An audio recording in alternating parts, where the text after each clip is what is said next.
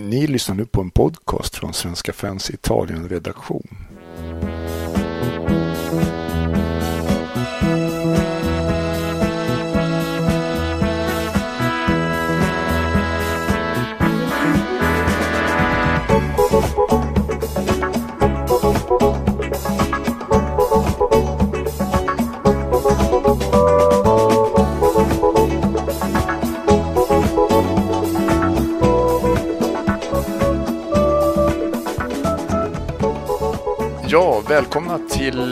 Till ännu en La Curva-podd.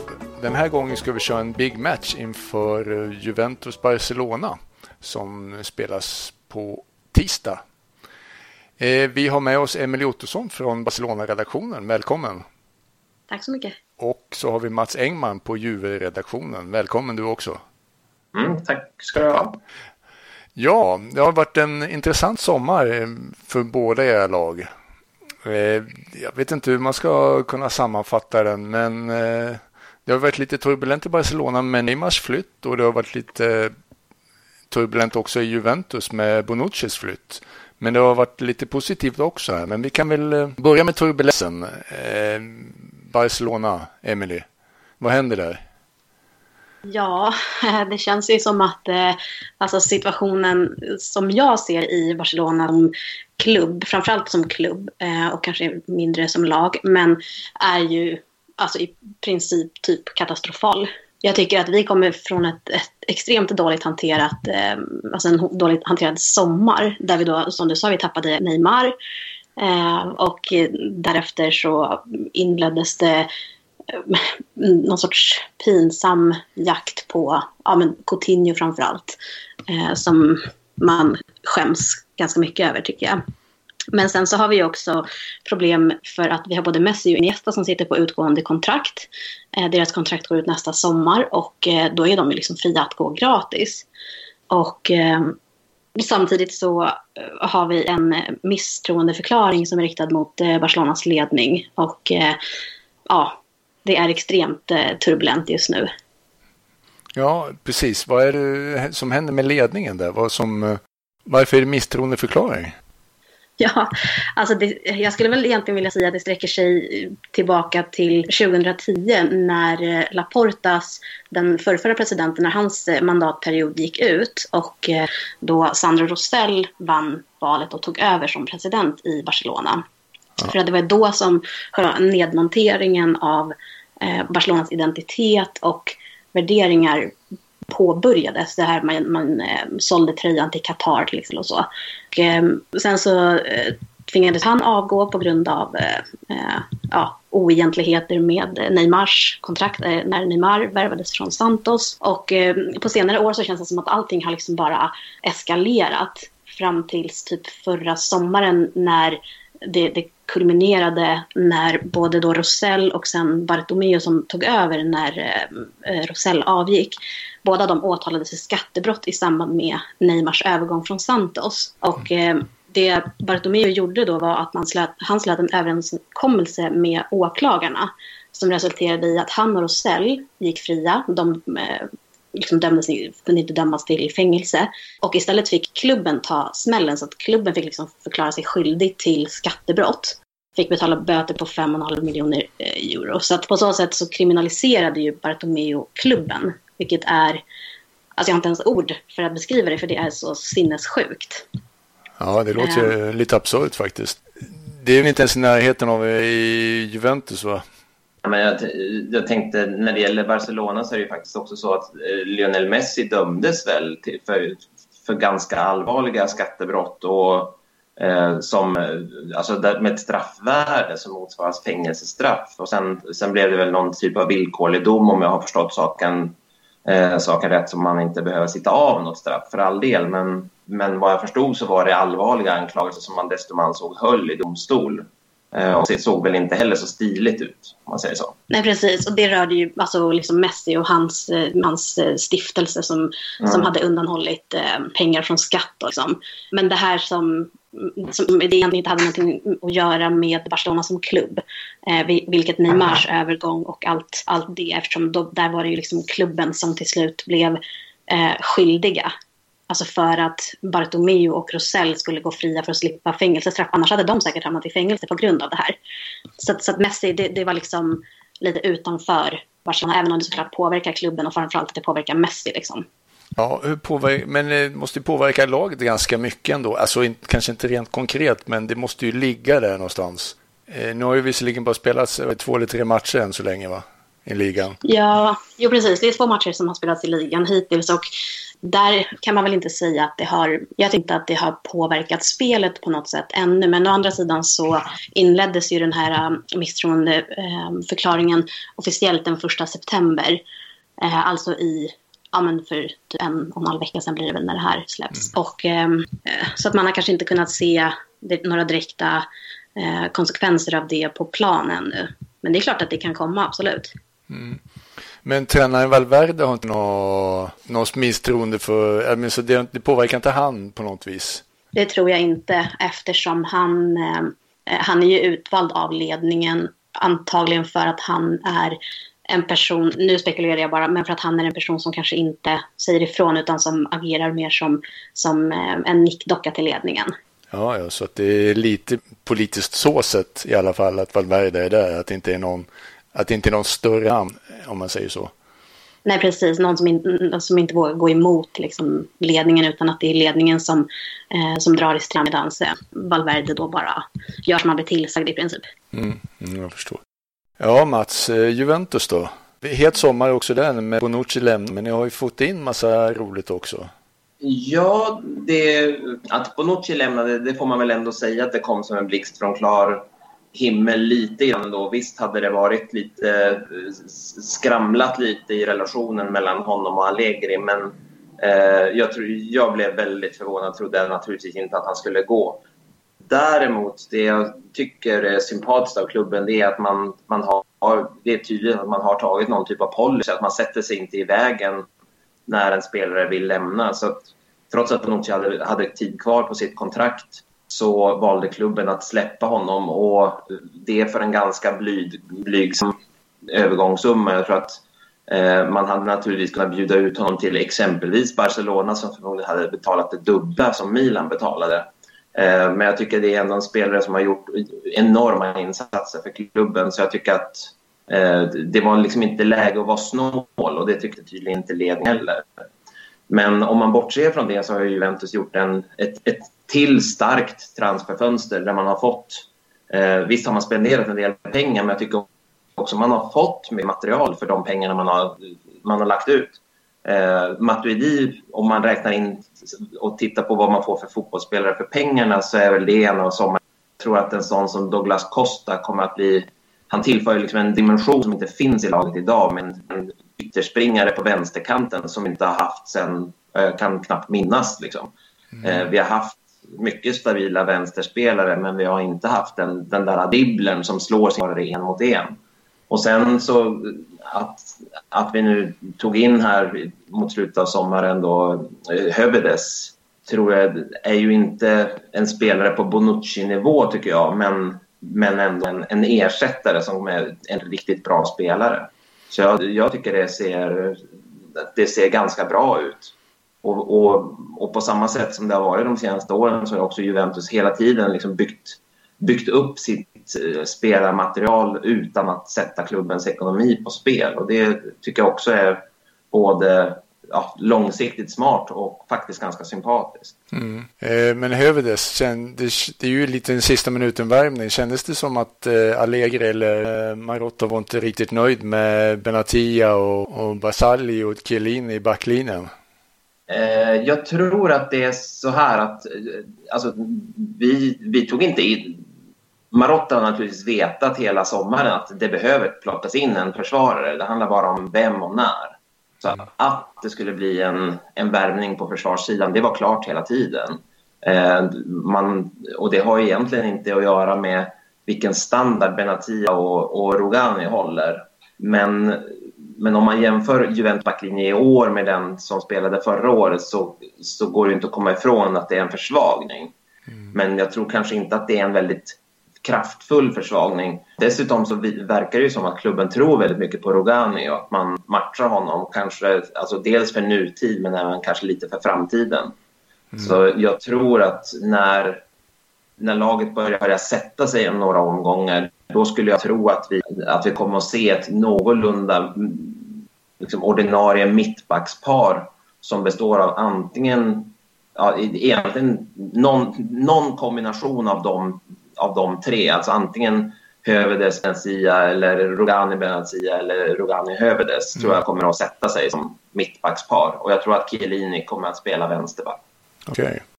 Hur ser, Emily, hur ser du på nya Juventus? Har du någon, lite, har du någon koll på det? Har du följt något? Um, Nej, jag har faktiskt inte följt det överhuvudtaget, förutom Bonucci då, men eh, alltså, det kunde man inte missa att han gick. Eh, men, eh, men i övrigt så, nej, jag har inte följt det alls. Nej, det nya i ehm, Barcelona, hur ser det ut nu när Neymar har flyttat?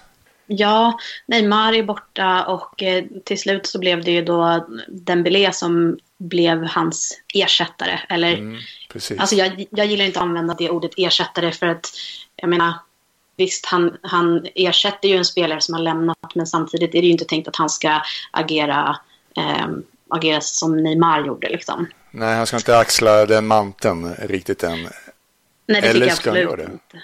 Nej, det tycker jag absolut inte. Herregud, han är liksom, vad är han, 20 år. Han Har spelat, eh, vad heter det, för två år sedan så var han väl, satt han väl typ på bänken i B-laget i Rennes liksom. Så att nej, han ska inte få ta någon, eh, eh, någon sån, känna någon sån press på sig tycker jag absolut inte. Utan det han behöver tid på sig att eh, akklimatisera sig, anpassa sig och allting sånt. Men annars eh, så Alltså det är ju att, att vi tappade Neymar är ju såklart en, någonting som har försvagat oss, eh, eller Barcelona då, eh, individuellt. Ja. Men jag, jag är inte säker på att det kommer försämra Barcelona eh, som lag eh, om man ser det liksom på ur ett, en kollektiv synvinkel. Eh, utan tror snarare att det faktiskt kanske kan, kan gynna laget att ehm, Messi, Neymar, Suarez, den trion faktiskt splittrades. Mm. Eh, vilket jag vet att vi pratade om lite grann när, eh, när vi pratade senast i våras. Ja, du tror att eh, Neymar påverkade mycket i att det blir för många tuppar där helt enkelt? Nej, inte just Neymar, men att det var den här liksom supertrion i anfallet. Ja. Jag tror att det vi såg ju, Luis Enrique fick ju anpassa eh, sin spelidé efter, eh, för att få ut så mycket som möjligt av eh, de här tre fantastiska anfallarna, och, vilket är ganska logiskt. Men, mm. men Barcelona som kollektiv, som, som lag, blev ju lidande, tycker ja, jag. Precis. Ehm, så att jag menar inte att Neymar var inte ett problem i sig, utan problemet var snarare att den här trion stod för mycket i fokus på bekostnad av resten av laget och framförallt kollektivet Barcelona. Men också faktiskt då för att de fastnar liksom i... Alltså det fanns ju ingen annan typ av spelare som kunde gå in egentligen utan det var eh, som Juventus som Mats, eh, de läste ju sönder ganska, Barcelona ganska lätt i våras. Eh, vilket, ja, vilket gjorde det lätt för att manövrera ut det för att de hade inget annat än Neymar, Suarez och Messi då som anfallsvapen. Nej, precis. Man förlitade sig på deras briljans. Eh, både som, som liksom, eh, anfallstrio i att de var någon sorts eh, egen lagdel. Liksom. Mm. Men också framförallt kanske på deras individuella briljans. Man visste att okej, okay, någon av dem kommer kliva fram och avgöra den här matchen. Om man då som till exempel i, i våras då kvartsfinalen mot Juventus så var ju, alltså Juventus kunde ju verkligen låsa de här tre, eh, alltså Messi, Neymar och Suarez helt och hållet. Mm. Och eftersom de lyckades så bra med det, plus att de också var väldigt bra, alltså över hela såklart. Men så hade, då, då stod liksom Barcelona handfallna. De visste inte vad, vad, ska vi, vad ska vi göra när inte de här tre eh, individerna fungerar. Mm. Det finns ju också aspekten att när, när Barcelona anföll så anföll de i princip då mot hela Juventus lag, möjligen med, med undantag från Wayne. Medan när Juventus skulle anfalla då, då gick det tre, ursäkta mig, men tre latmaskar längst uppe vid mittlinjen och, och tittade och väntade på att bollen skulle komma mm. dit. Eh, och jag tror att kanske att fotbollen utvecklas på så sätt att man inte riktigt har råd att avvara tre spelare i försvarsspelet. Jag, jag tror att det är faktiskt en... Jag att om man tittar på hur fotboll spelas idag och hur, hur det spelas kanske om ytterligare fem, tio år så tror jag att det kommer vara svårt för, för lag att spela med, med tre anfallare som man verkligen använder som anfallare och som inte har försvarsuppgifter. Som jag inte tycker att de tre spelarna har egentligen i Barcelona. Mm, nej, jag håller med fullständigt. Verkligen. Så, så vad rent taktiskt nu, hur kommer det skilja sig med Dembele i, i elvan? Ja, det återstår väl att se lite. Det känns jättesvårt att spekulera, men någonting som Alltså, Valverde har också eh, varit tränare så pass kort tid. Eh, det är svårt att, att dra några egentliga slutsatser från det vi har sett hittills. Men bara rent så här, hur han är som tränare så föredrar ju han eh, och förespråkar en 4-2-3-1 uppställning. Till skillnad från Barcas då mer traditionella och, och väldigt framgångsrika 4-3-3. Problemet eh, som vi, eller som Barcelona har haft sen Xavi lämnade är ju att vi inte riktigt har Eh, haft spelarna för att kunna spela 4-3-3 eftersom vi inte har den här kontrollerande mittfälten, den här eh, organisatören alla Xavi mm. på, på mitten. Så att, därför, jag vet inte om 4-2-3-1 på något sätt gör att, att eh, man kanske kan återgå till någon sorts att, att man utgår från mittfältet när man spelar från mittfältet istället för så som det har varit under Luis Enrique. Att det framförallt har varit backarna har passat mellan varandra, mellan målvakten. Eh, och sen har det antingen har Messi fått komma ner och hämta bollen eller har det kommit en, lång boll med sikte på typ Neymar. Så, att, så att det, det, är svårt. Men, eh, men jag hoppas att, det, att vi fortsätter med 4-3-3. Att vi hade fått in en, eh, en spelare som typ Verratti hade ju såklart varit drömmen. Nu blev, blev ju det omöjligt. Men till nästa sommar då kan man ju hoppas. Eller att vi själv kan få fram en från vår ungdomsakademi. Mm. Finns någon där då som är på gång? Kanske inte just i den eh, Xavi-rollen. Liksom. Vi, vi, har ju en eh, mer av en, eh, om man nu ska jämföra spelare så, men mer en Iniesta-typ i Carles Alenia som, mm. som eh, har gjort det väldigt, eh, var med på försäsongen och gjorde det väldigt bra. Tyvärr blev han tillbaka skickad till eh, Barca B på grund av att vi har typ nio mittfältare i, i A-laget eh, mm. just nu. Mats, om vi hoppar över till Juventus. Eh, känns det som att Allegri kommer förändra någonting i årets elva? Alltså rent taktiskt? Nej, det tror jag inte. Jag tror att det blir mer av samma. Men däremot så tycker jag kanske att han har lite fler verktyg i verktygslådan inför den här säsongen. Eh, just att kunna, kunna använda eh, Douglas Costa tror jag kommer att eh, faktiskt rädda en del poäng de här matcherna när, när man ska anfalla mot kanske då lite sämre lag som är duktiga på att försvara sig. Och då har man just den här spelaren som kan på egen hand göra, sin, göra ett nummer på sin kant och, och hitta på någonting där. Eh, det går ju inte att jämna... Vår, våra vänsteranfall idag har ju skötts av under förra säsongen har jag skötts ofta av antingen då Mandzuc eller av Alexandro som inte heller kan dribbla. Eh, och, och den spelare som Matuidi kommer ju att, eh, tror jag, kommer bli en fantastisk tillgång. Eh, om man tänker sig ett, eh, att Juventus ändå kanske spelar vissa matcher med trebackslinjer eh, med trebackslinje och kan eh, kasta in både Matuidi och Kedira på mittfältet, då mm. finns det både löpkraft och tacklingskraft och faktiskt också te liksom teknisk kraft. Jag kan tycka att det ser ganska lovande ut. Jag hörde, jag hade spelat in en podd tidigare om och det, med Erik Hadzik på Fotbollskanalen. Han tyckte det saknades lite muskler i, i Juventus. Att det inte finns någon riktig eh, kraftpaket som kan ta, ta hand om sakerna där utan det är för eh, tekniskt. Ja, det, det kan, kan ligga någonting i, i det. En spelare som Pogba till exempel, han vann ju han, man tänker mest på hans spel med bollen, men han vann ju ganska mycket dueller och så vidare. Mm. Eller Vidal, för all del, ja. som vann otroligt mycket bollar. Eh, ja, det, det, kan absolut ligga någonting i, i det, samtidigt som jag tycker att både Kedira och Matuidi är ju spelare som, som, inte, som funkar bra som närkampsspelare också. Mm. Men, men Pjanic är väl ingen... Det är inte mycket till Hulk och, eh, Ja, nej, det, det, kan, det kan finnas en sån. Alltså. Pjanic, det är lite mer Barcelona-material va? Ja, ja. Emily, han, vad- han, vad- väl långsammare. in där, men... Jo, kanske. Ehm, Men, ehm, och det ryktades väl lite grann eh, om honom till eh, Barcelona i somras, va? Eh, även om det var ytterst lite. Men eh, jag skulle bara vilja flika in där att ehm, alltså, jag tycker inte egentligen att eh, man behöver Alltså nu följer inte jag italienska ligan så att jag vet inte alltså hur man kan, det kanske behövs där. Men om man ser tillbaka på Barcelonas framgångsrika era under Pep till exempel så hade ju inte vi en enda, i princip en enda spelare som var liksom kraftfull i, i, i hade en, en, någon sorts eh, stor fysik liksom.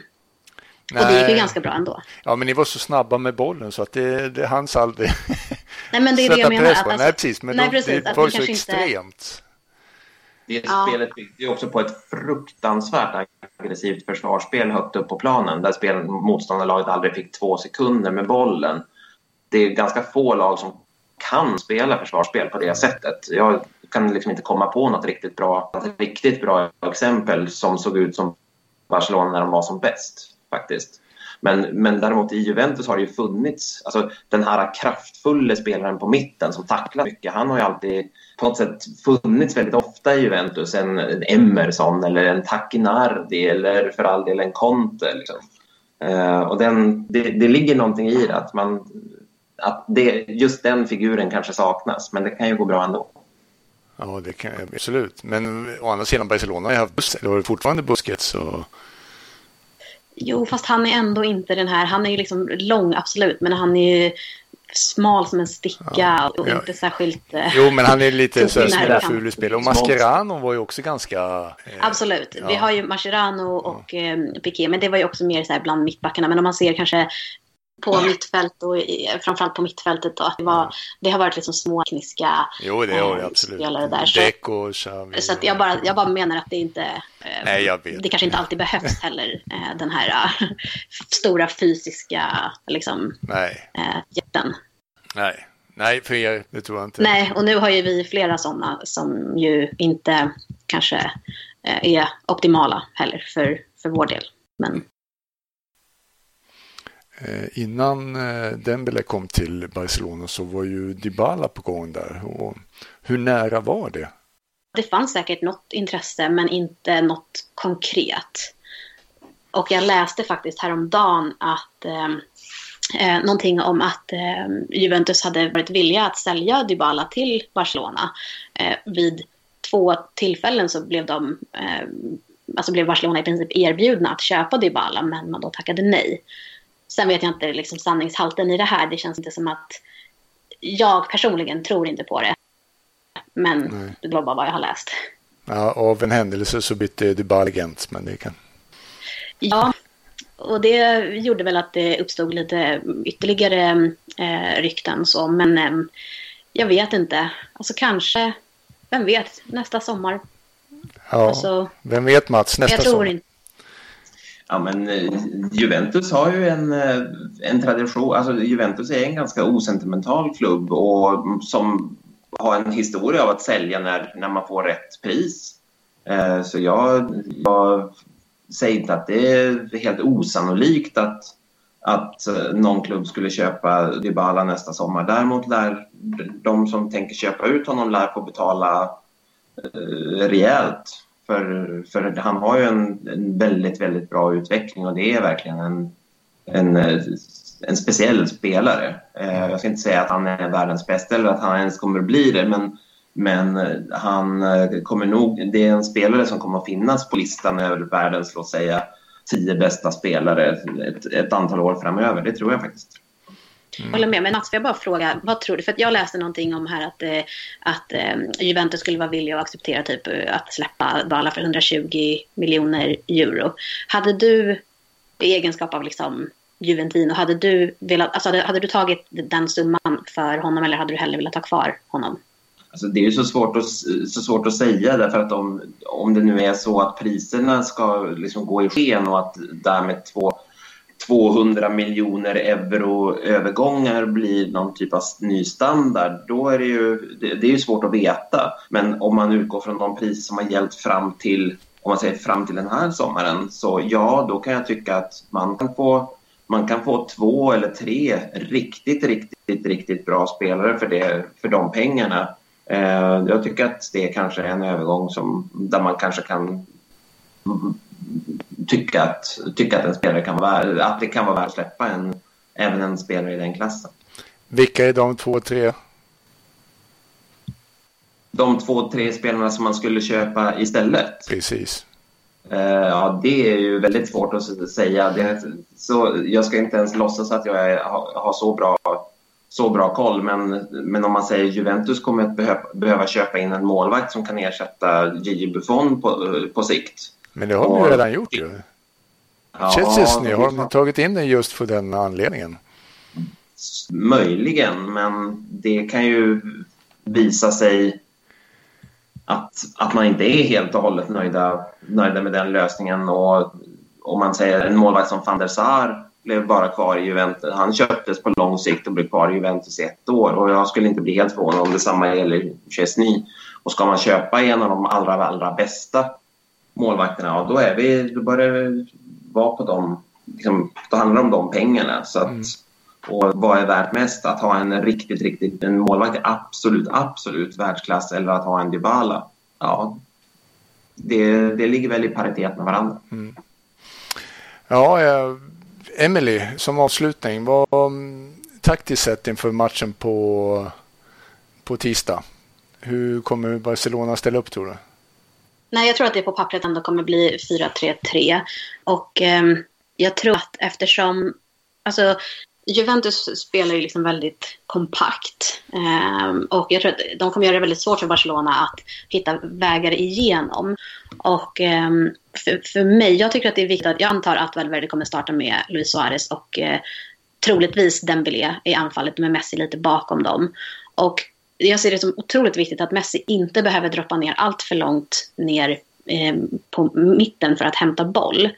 För det känns som att det finns en stor risk att eh, Suarez och eh, Dembélé, eller vem som nu startar eh, i Suarez sällskap, kommer då bli alldeles för isolerade och, och alltså Juventus kommer kunna isolera dem extremt bra. Det jag vill och hoppas vi kommer fokusera på är hög press. Mm. Att eh, försöka stressa och pressa Juventus till misstag. Eh, och eh, att ehm, också vara tålmodiga att liksom hitta, skapa, inte, inte hitta öppningar, för det vet jag inte om vi kommer kunna göra i Juventus, men skapa öppningar eh, för att då kunna göra mål. Mm. Men sen måste vi också flytta bollen väldigt snabbt. Alltså bollen ska jobba, inte spelarna. Vi ska inte ha liksom, mittfältare som springer 13-14 kilometer på 90 minuter. Utan det är bollen som ska rulla. Eh, spelarna ska såklart röra sig, men inte springa runt som illbattingar. Liksom. Mm. eh, Mats, Juventus då? Får ta poäng i Barcelona. Jag är lite orolig för att vi har en backlinje som, som kanske kan vara lite sårbar så här i början av säsongen. Jag tror att vi kommer att få se ett Juventus utan speciellt många nyförvärv. Jag tror att man kommer att spela med dem sen tidigare. Jag tror att det kanske blir något nyförvärv på planen nu i helgen. Och Barcelona att det blir ungefär de, de spelare som... De flesta spelare lär vi känna igen från förra säsongen. Eh, hur Juventus kommer att spela så tror jag att det kommer att bli så som man spelar mot Barcelona. Alltså man försöker ligga eh, ändå inte, inte trilla ner ända ner i straffområdet såklart. Och det tycker jag Juventus har varit bra på när de har mött både Real Madrid och, och Barcelona. Men, men, men det är klart att Barcelona kommer att ha bollen och Juventus kommer att anfalla ganska rakt och, och inte ha så väldigt långa anfall. Eh, men ändå kanske försöka hålla bollen. Men i allt väsentligt, Juventus kommer att spela rakt och Barcelona kommer att ha bollen. Mm. Ja, det är väl det troliga scenariot i alla fall. I jag tror dessutom att båda lagen kommer att göra mål. Jag skulle inte bli förvånad om matchen slutar 2-2. Okej. Okay. Du då, Emelie? Hur tror du att matchen kommer att sluta? Ja, jag tror också på Jag tror inte att det kommer bli så målrikt som 2-2. Ehm, faktiskt för förra gången vi möttes på två matcher så fick ju inte vi hål på Juventus alls. Så jag säger 1-1. Mm. Ja, med det får jag tacka Emil Ottosson på Barcelona-redaktionen och eh, Mats Engman på Juventus-redaktionen. Och vi får helt enkelt se på tisdag vilka som eh, är starkast eller om ni är lika starka. Eh, jag tackar för pratstunden.